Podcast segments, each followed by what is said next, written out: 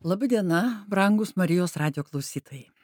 Šiandieną mes prisiminsime tikrą Lietuvos žvaigždę, artistę Rūtą Staliliūnaitę. Turbūt ją dar tikrai puikiai pamenate. Pamenate jos nuostabius vaidmenis Kauno dramos teatre ir vėliau jos skaitimus. Bet prisiminti visada tai Rūtą yra svarbu ir malonu. Joba, kad šių metų sausio 21 dieną minėjome Staliliūnaitės 85-ąjį gimtadienį.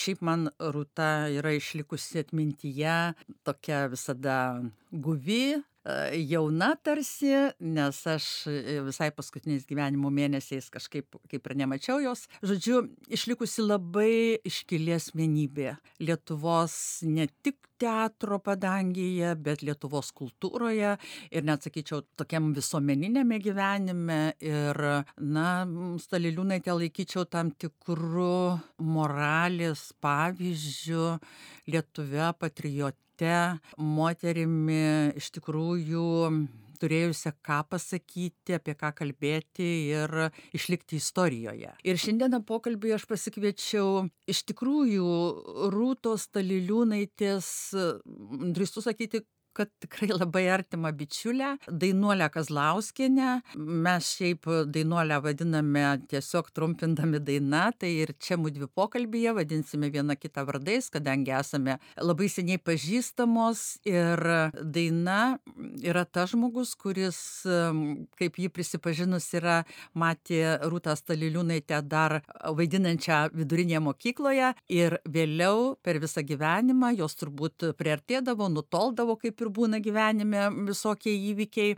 Ir paskui paskutiniais gyvenimo metais tikrai buvo labai artimos bičiulės, visa Dainos Kazlauskienė šeima, sunus, dukra tikrai ir bendravo ir daug padėjo paskutiniais gyvenimo metais, nes, na, turiu pasakyti, Rūta Staliliūnaitė buvo vienišas žmogus, kažkada sukūrusi šeimą, buvo atsiskyrusi su, su vyru ir gyveno daug metų viena ir jai iš tikrųjų gelbėjo jos draugai, bičiuliai. Rūta yra ir prisipažinusi, kad turiu daug artimų nuostabių žmonių, draugų, be kurių negalėčiau gyventi.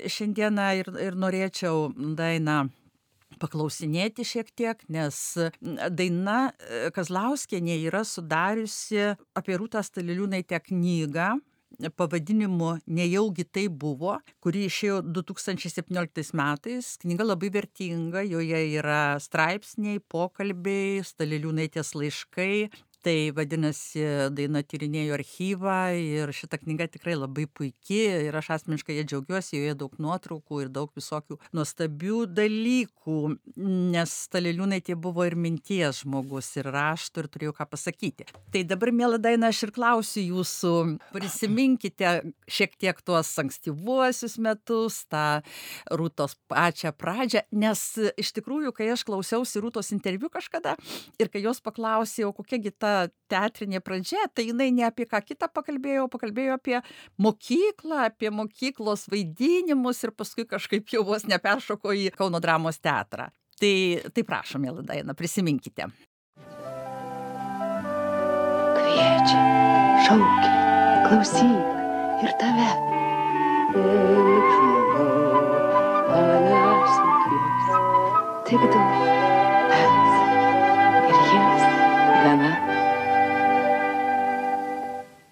Taip, labai mėla prisiminti Rūtą Staliliūnaitę, labai man jos trūksta. Man ji buvo labai svarbi mano gyvenime, mano toks gyvenimo šviesulys. Pirmą kartą Rūtą pamačiau Krakių gimnazijoje, būtent apie kurią jinai ir kalba, kur jinai pradėjo savo talentą kaip artistės reikšti mes abi kilusios esam iš to paties krašto ir aš tuose pačiuose krakėse esu ir vieną klasę baigusi, Rūtelė baigė vidurinę gimnaziją ten. Ir kai jie atvažiavo į krakes mokytis paskutinėse klasėse, 9, 10, 11, ten veikė dramos burelis ir vatinai įsijungė į to burelio veiklą. Na ir žinoma, labai greitai režisierius tos mokyklos mokytojas pastebėjo jos talentą ir jai buvo skiriami pagrindiniai vaidmenys. Man tu, teko laimė pamatyti vieną jos spektaklį, kuriame Rūta vaidino grafaitę. Ir mane jį taip sužavėjo, turbūt niekiek nemažiau, kaip kad pamačiau, kad Barbora, kai jį suvaidino. Nes tai buvo jaunystė ir man pirmas toksai buvo įdomus spektaklis, vaidinimas, nors ten po to turėjo būti šokiai, bet man jau tie šokiai nerūpėjo, man tik rūpėjo, o kaipgi ta grafaitė, kaip ir toliau, po vaidinimo, kas toliau su ją bus, va taip man toks, tarytum to vaidinimo tesinys buvo. Nu kažkokia vis dėlto, aš taip galvoju, kad rūta prigimtyje vis dėlto turėjo Dievo, buvo apdovanota iš tiesų, kad jeigu jau jinai gimnazijos metu, dar neturėjus jokių profesionalių pamokų, aktoriaus meistriškumo, jinai tikrai labai gerai valdė. Tai, ką jinai darė, aš viskuo tikėjau, aš viskuo patikėjau, ką jinai darė. Tai buvo mano pirmasis toks prisilietimas prie Rūtos, o vėliau mūsų keliai susitiko e, Juozo Grodžio muzikos mokykloje. Rutelė baigdama gimnaziją, aišku, turėjo rinktis kelią, o kasgi toliau, kur eiti toliau, kuo būti toliau gyvenime kokią profesiją rinktis. Kadangi buvo jau susižavėjusi vaidinimais, galvojo gal pasukti šituo keliu, artistės keliu. Bet e, kai vaikystėje, kokioj šeštoj, penktoj klasė dar vis per per pamokas mokytojai klausdavo, tai kuogi būsite vaikeliai užaugę, kuo norėtumėt būti. Tai rūtelį atsakydavo, kad aš norėčiau būti gydytoja ir gydyti vaikus. Man atrodo, kad aš mokėčiau juos paguosti, užjausti, reiškia. Ir mama, kai baigė vidurinę gimnaziją, mama taip pat labai norėjo, kad Rūta stotų į medicinos institutą ir kad būtų daktarė. Jai atrodė garbingesnė profesija, reikšmingesnė. Ir Rūta baigusi gimnaziją taip pat stojo į medicinos institutą, bet išlaikė egzaminus labai gerai, bet paskaitė mokytojai, dėstytojai, kad charakteristiko jos parašyta, kad ji gabi artistė, tai jie pareiškė, o mums reikia sportininkų, ne artistų. Na ir taip jinai neįstojo. Ir tuo metu pasuko į teatrį, į mu, Juozo Grodžio muzikos mokyklą, kurioje tuo metu buvo tik įkurtas nesenai toks teatrinis skyrius. Jam vadovavo Kauno dramos teatro aktoriai, profesionalai, visi, kurie baigė buvo tik Gytiso institutą Maskvoje ir norėjo perduoti Lietuvos jaunimui savo žinias. Na ir va, ir čia Rūta pirmą kartą jau susidūrė su profesionaliu teatru, su profesionalais artistais. Na ir žinoma, labai norėjo ir likti tame teatre, bet mus ruošė ne teatrui, ne artistus, bet ruošė kultūriniai veiklai. Tuo metu buvo labai saviveikla aukštumoje ir reikėjo ten darbininkų, kultūrininkų. Tai va, ir Rutelė buvo paskirta į vienus netoli tėviškės į Surviliškį kultūros namus direktorė, bet jai tas darbas nepatiko ir ji vis tiek veržėsi į aktorinį meną. Na ir paskui po to, žinoma, įstojo į konservatoriją, baigė konservatoriją ir vėl atvyko savo norų Kauną. Tai ačiū Dainelė už tokią pradžią. Aš pamenu, kaip Rūta yra sakiusi, kad jai vis tiek visą gyvenimą mediko profesija buvo labai tokia, tarsi ir paslaptinga, ir labai iškili, ir jinai su begalinė pagarba žiūrėjo į medikus ir yra prisipažinusi tą savo troškimą, netroškimą tapti daktarė. Tai man tas toks jos vieną kartą tikrai pamenu, kaip jinai sakė, kad jei daktaro profesija yra paslaptingesnė už artisto, nes, nes daktaras tvarko kūną, prikelia gyvenimui, o artistas, aišku, labai svarbu gydo sielą. Taip, ir paskui, kaip, kaip žinau, Rūta rūta pasimokiusi ketverius metus panoro atvažiuoti į kauno dramos teatrą pas vancevičių. Būtent čia tada dirbo režisieriumi henrikas vancevičius ją labai traukė ir jinai atvažiavo jauna mergaitė ir pradėjo darbuotis ir kauno dramos teatre išdirbo trisdešimtį metų po 30 metų, 1993, ar ne, rodos savo norų iš teatro išėjo. Tai mes apie tai, žinoma, pasikalbėsime, bet tą 30 metų, tie, tie visi didieji jos vaidmenys, mes juos čia gal taip pat priminsim, paminėsime, tuo metu jūs artimiau bičiuliavotės, ar tiesiog stebėjote, nes buvo jūsų šeimos reikalai, rūta darė karjerą, bet ar laikas nuo laiko susitikdavote, ar ką nors kalbėdavote, ar rūta mėgdavo apie vaidmenis pasikalbėti, ar visa ta intensyvi draugystė jau radosi vėliau? Intensyvi draugystė, tai taip, tikrai atsirado vėliau. Nes kai ji tik tai baigė konservatoriją ir, ir grįžo į Kauną, į teatrą, aš nedrįsau jos, aš, mm. mano kuklesnė profesija, aš bibliotekininkystę baigusi, dirbau bibliotekoje, o ji artistė, nu aš visada irgi kėliau, o artistė tai jau čia kažkas nežemiš kažkas. Taip. Tai aš varžiausi, aš nesigretinau, nors mes mokėmės muzikos mokykloje, tuo pačiu metu tame pačiame skyriuje, tik tai vienais metais anksčiau įstojau, anksčiau metais ir baigė. Aš tik tai stebėjau iš tolo ją per tuos spektaklius. Ateidavo, žinoma, atsakysim, kad ir pavyzdžiui tą pačią Barborą Radvilaitę statant gavo, kai tą vaidmenį gavo vaidinti, nėra literatūros, nieko nežino per daug tos istorijos, Aha. o Rūta jau niekada ne, neis į vaidmenį savo vaidinti, jeigu ji neišsianalizuos, neišsiaiškins viską iki pagrindų. Tai va tai žinau, tada jie atbėgo su kestučiu geniu į mūsų biblioteką ir ieškoti literatūros.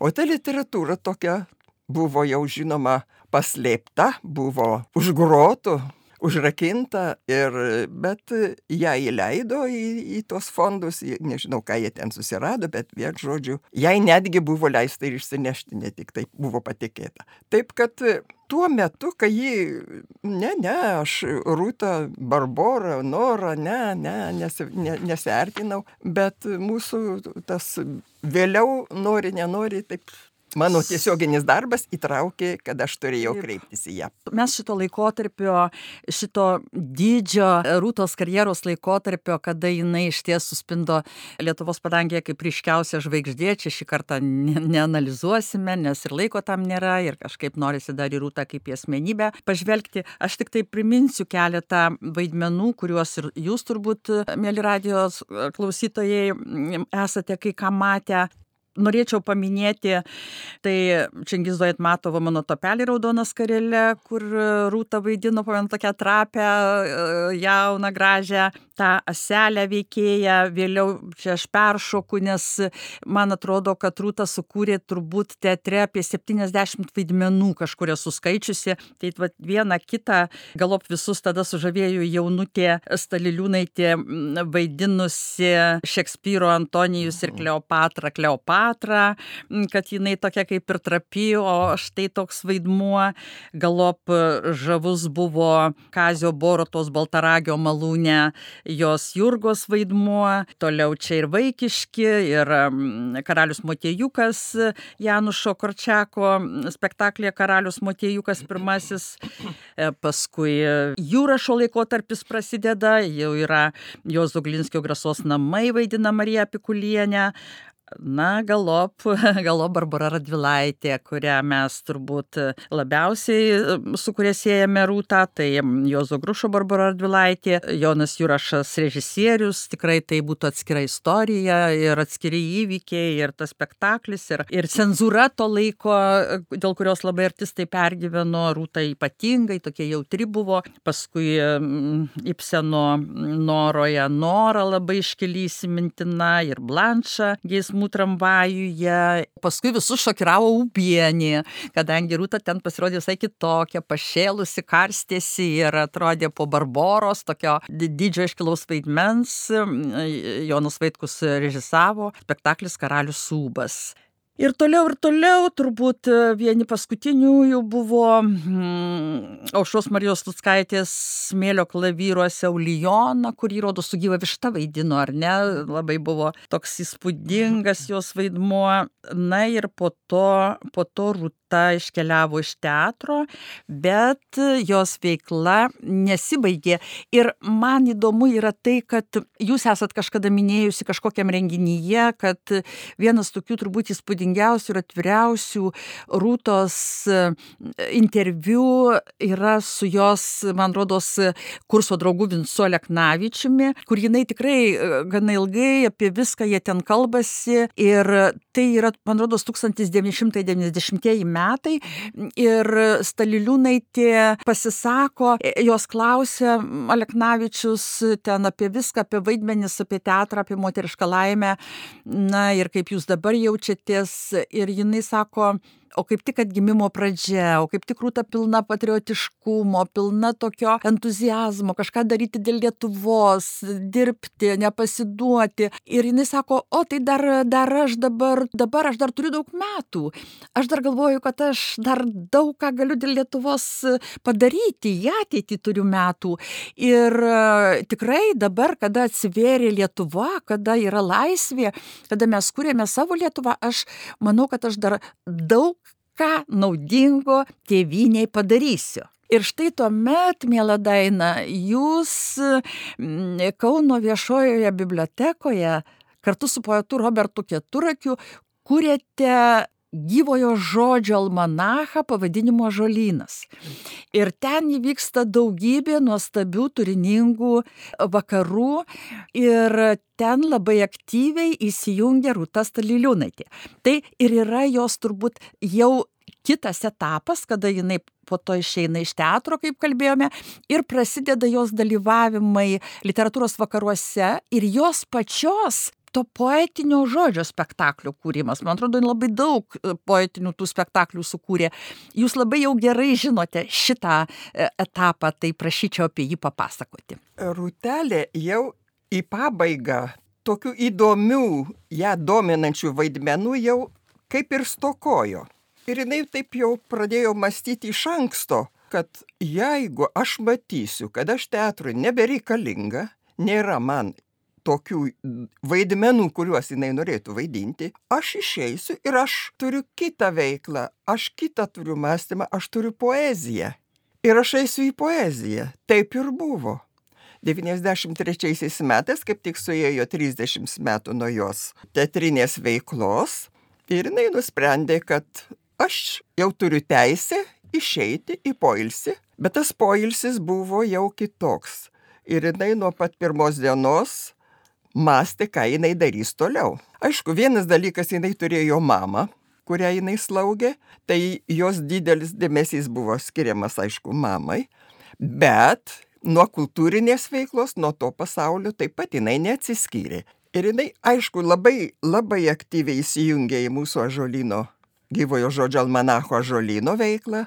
Aš labai jai esu be galo dėkinga, nes visada tariausi, klausiau jos patarimo, o ir netgi ir temą, kokią jį pasiūlydavo naujas. Tai buvo atgimimo laikotarpis. Tų temų naujų, įdomių iš atsirado ir ji ne tik tai pasiūlydavo temą, bet ir pati dalyvaudavo. Pareikšdavo netgi patardavo ir ką kviesti vieną ar kitą kūrinį, kas galėtų geriau, profesionaliau tą kūrinį paskaityti. Taip kad esu be galo, be galo rūtai dėkinga už tą laikotarpį, kai ji jau išėjo, netgi ir prieš, prieš dar išėjimą, jau jinai buvo aktyviai įsijungusi į mūsų kultūrinę veiklą miesto. O tie literatūriniai vakarai, tai jai vėlgi buvo tokia atgaiva.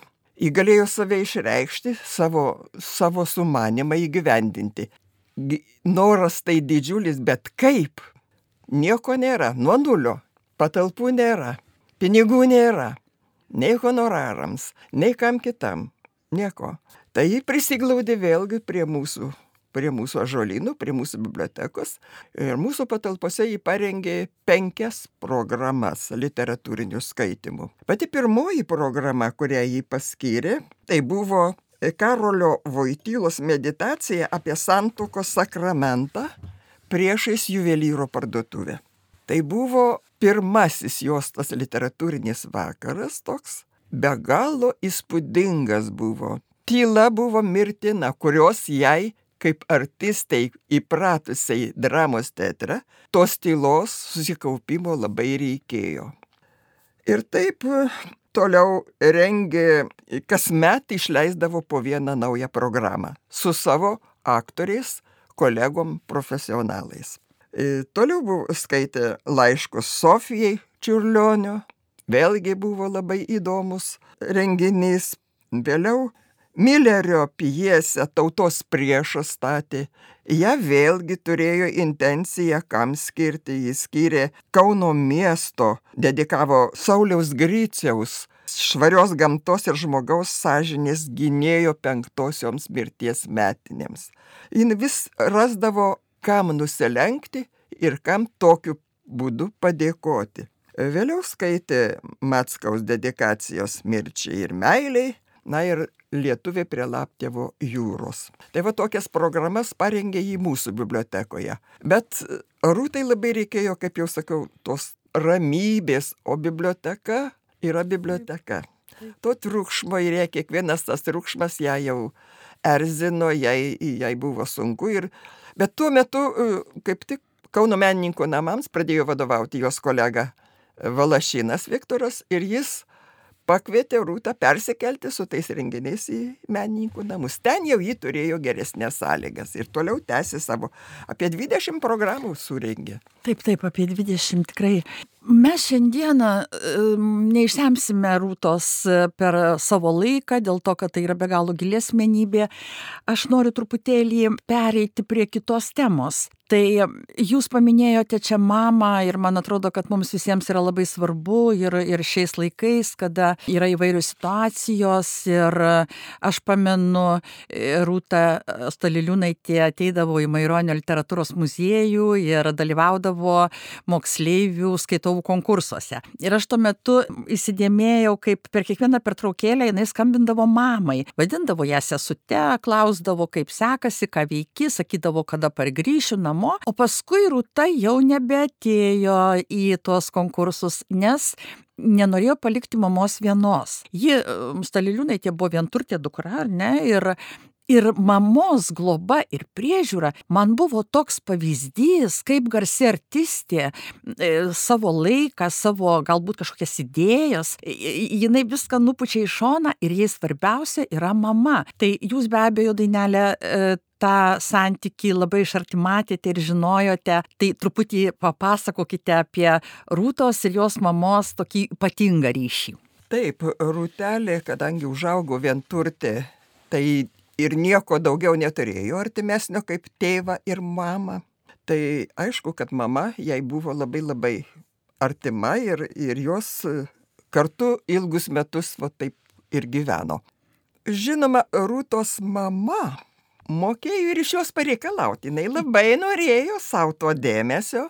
Ir Rūtelė dar ir yra keletą kartų ir pasiskundusi, padėjavus. Jau rodos viską, viską aš čia atiduodu mamą, jau jau rūpinosi. Vis dar jai žiūrėk ir negerai, žiūrėk ir negerai.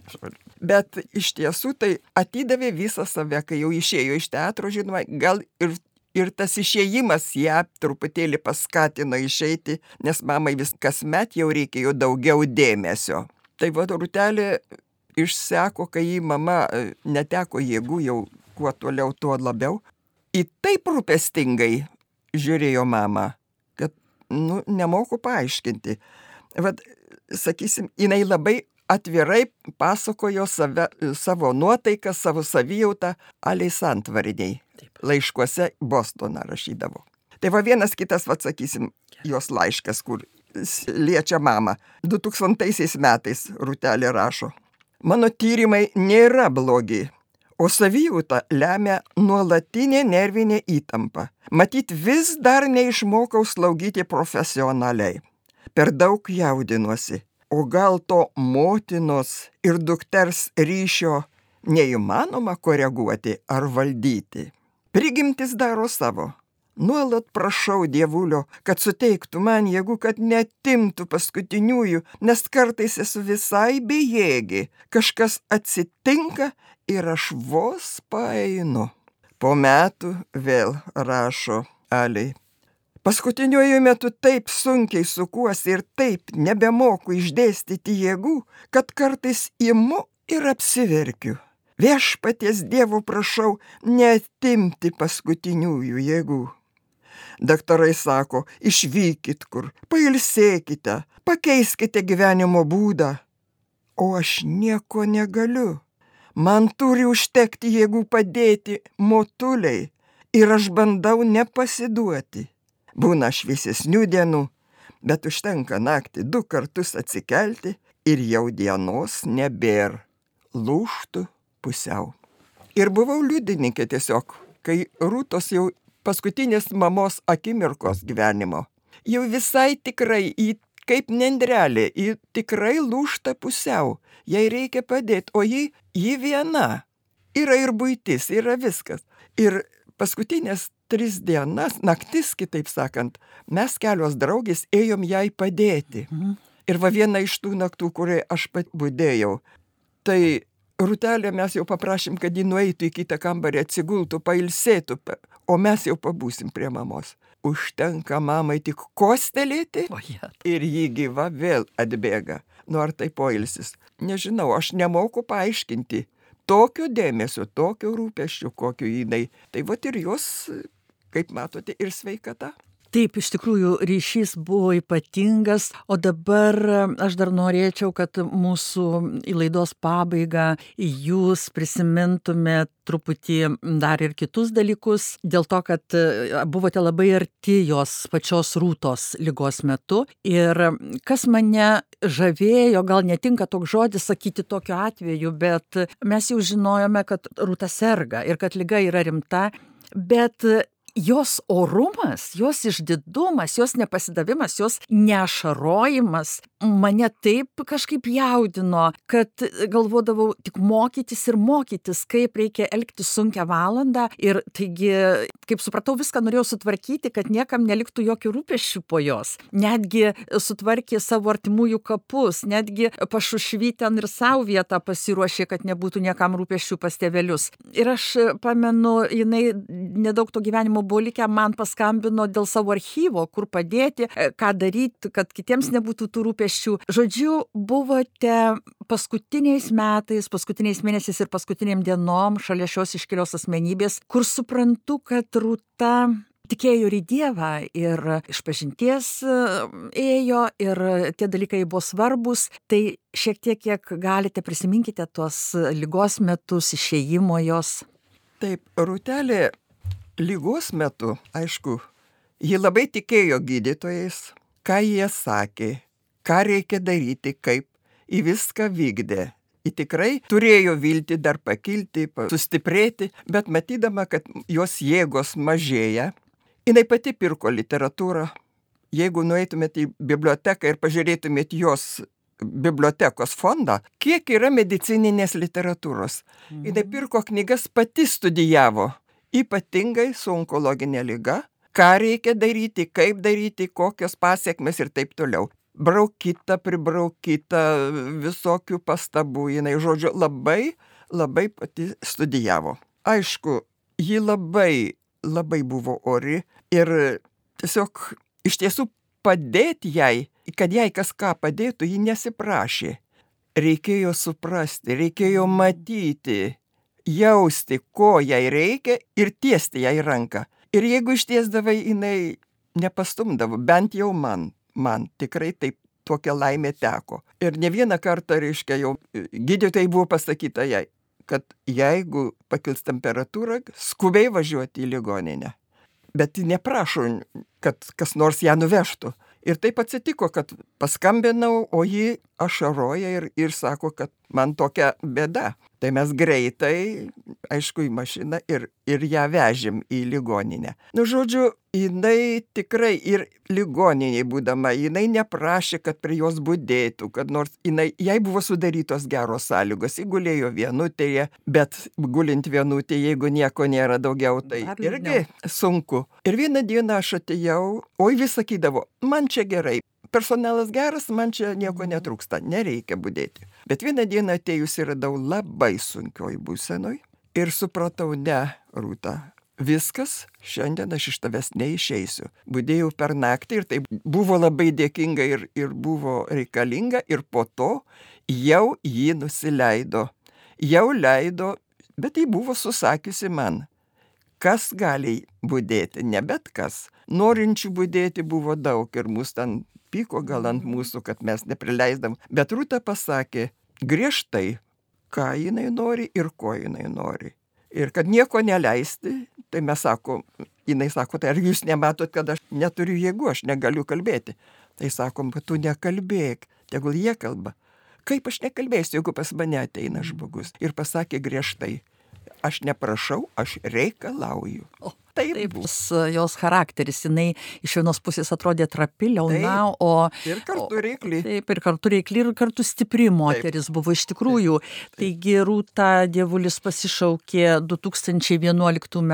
gegužės 9 dieną. Pagal jos valią ji palaidota yra pašušvyje, pas tėvelius ir pati labai ten tas kapines tvarkydavo ir, ir džiaugdavosi gėlėmis, turbūt tos gėlės tebe žydė, kiti žmonės prižiūri. Tai visai baigiant mūsų laidą, nes kaip matot, mes galėtum labai daug dar kalbėti, aš noriu Daina jūsų paklausti, šita knyga, kuri tikrai yra labai svarbi, vertinga, pavadinimu nejaugi tai buvo, straipsniai, pokalbiai, laiškai. Rūtos Taliliūnaitės, jūs turėjote archyvą, galėjote prie jo prieiti, jūs taip sugalvojote. Ar buvo truputį Rūtos valia, kad kada nors išeitų knyga apie ją ir šitie, šitie dalykai, ar tai jau buvo jūsų asmeniškai kitų bičiulių sumanimas? E, Ne, Rūtelė dažnai draugai kalbindavo ir sakydavo, išleisti Komunija. knygą savo. Buvo įdomi pašnekovė. E, Ir vis sakydavo, "Mm, dar ne, dar ne, dar, dar, dar vėliau, dar ne.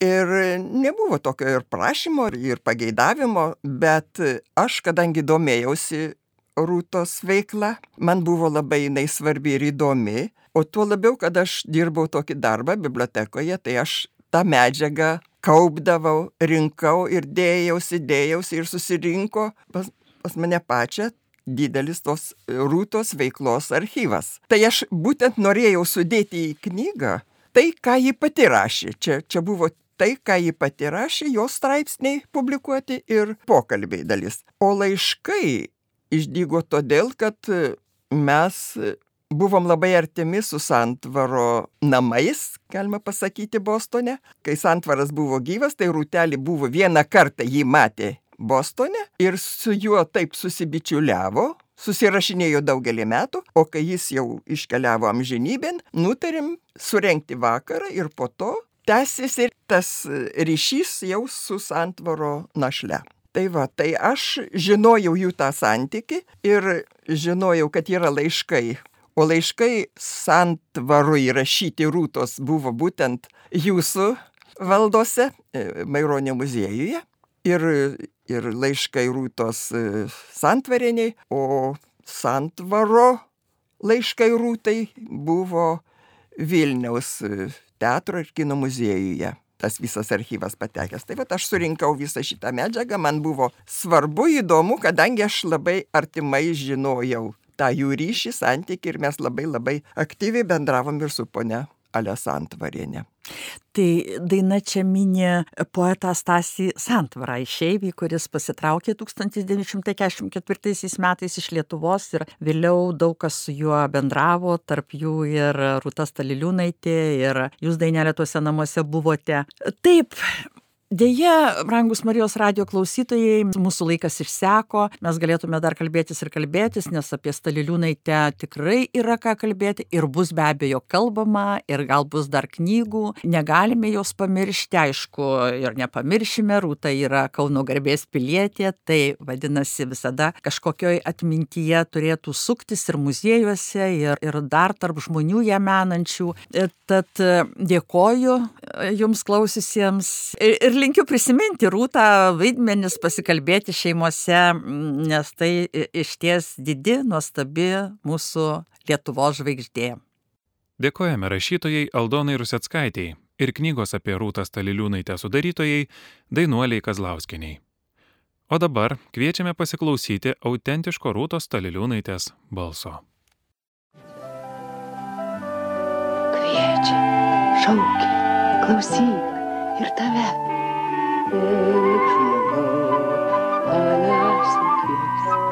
Tik du, pats ir jis gana. Pirmoji mano vaikystės knyga. Džonis Griuelas. Skudurinės onutės pasakėlės. Iš anglų kalbos vertė Giedrė Žmuidzinavičiūtė Gučienė. Žodis skaitytojams ir klausytojams. Aš rašau, o priešais mane ant stalo, atremta į telefoną, sėdi sena skudurinė lėlė.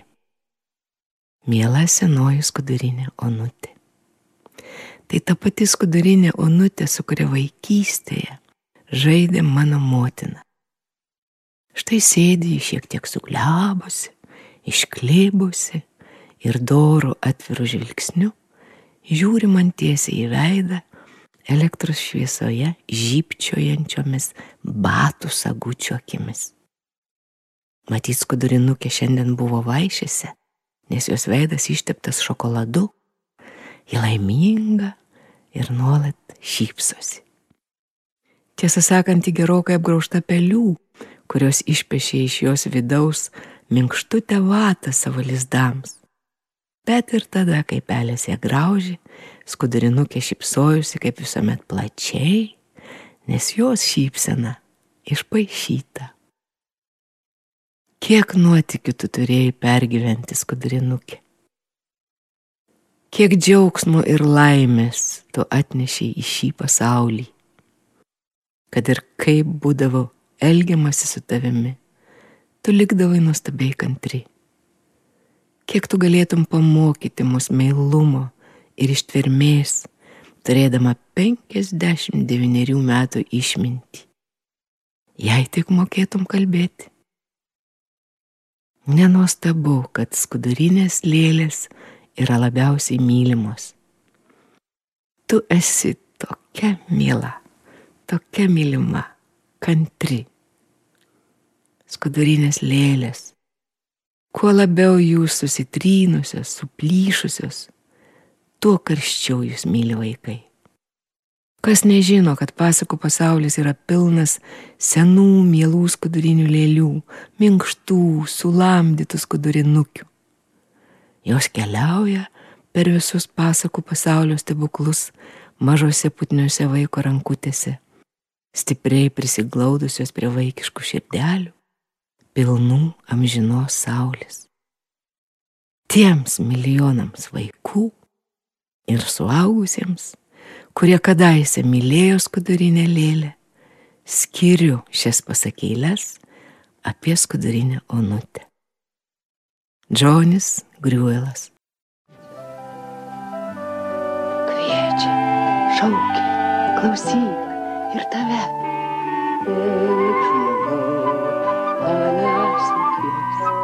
Eik žmogau,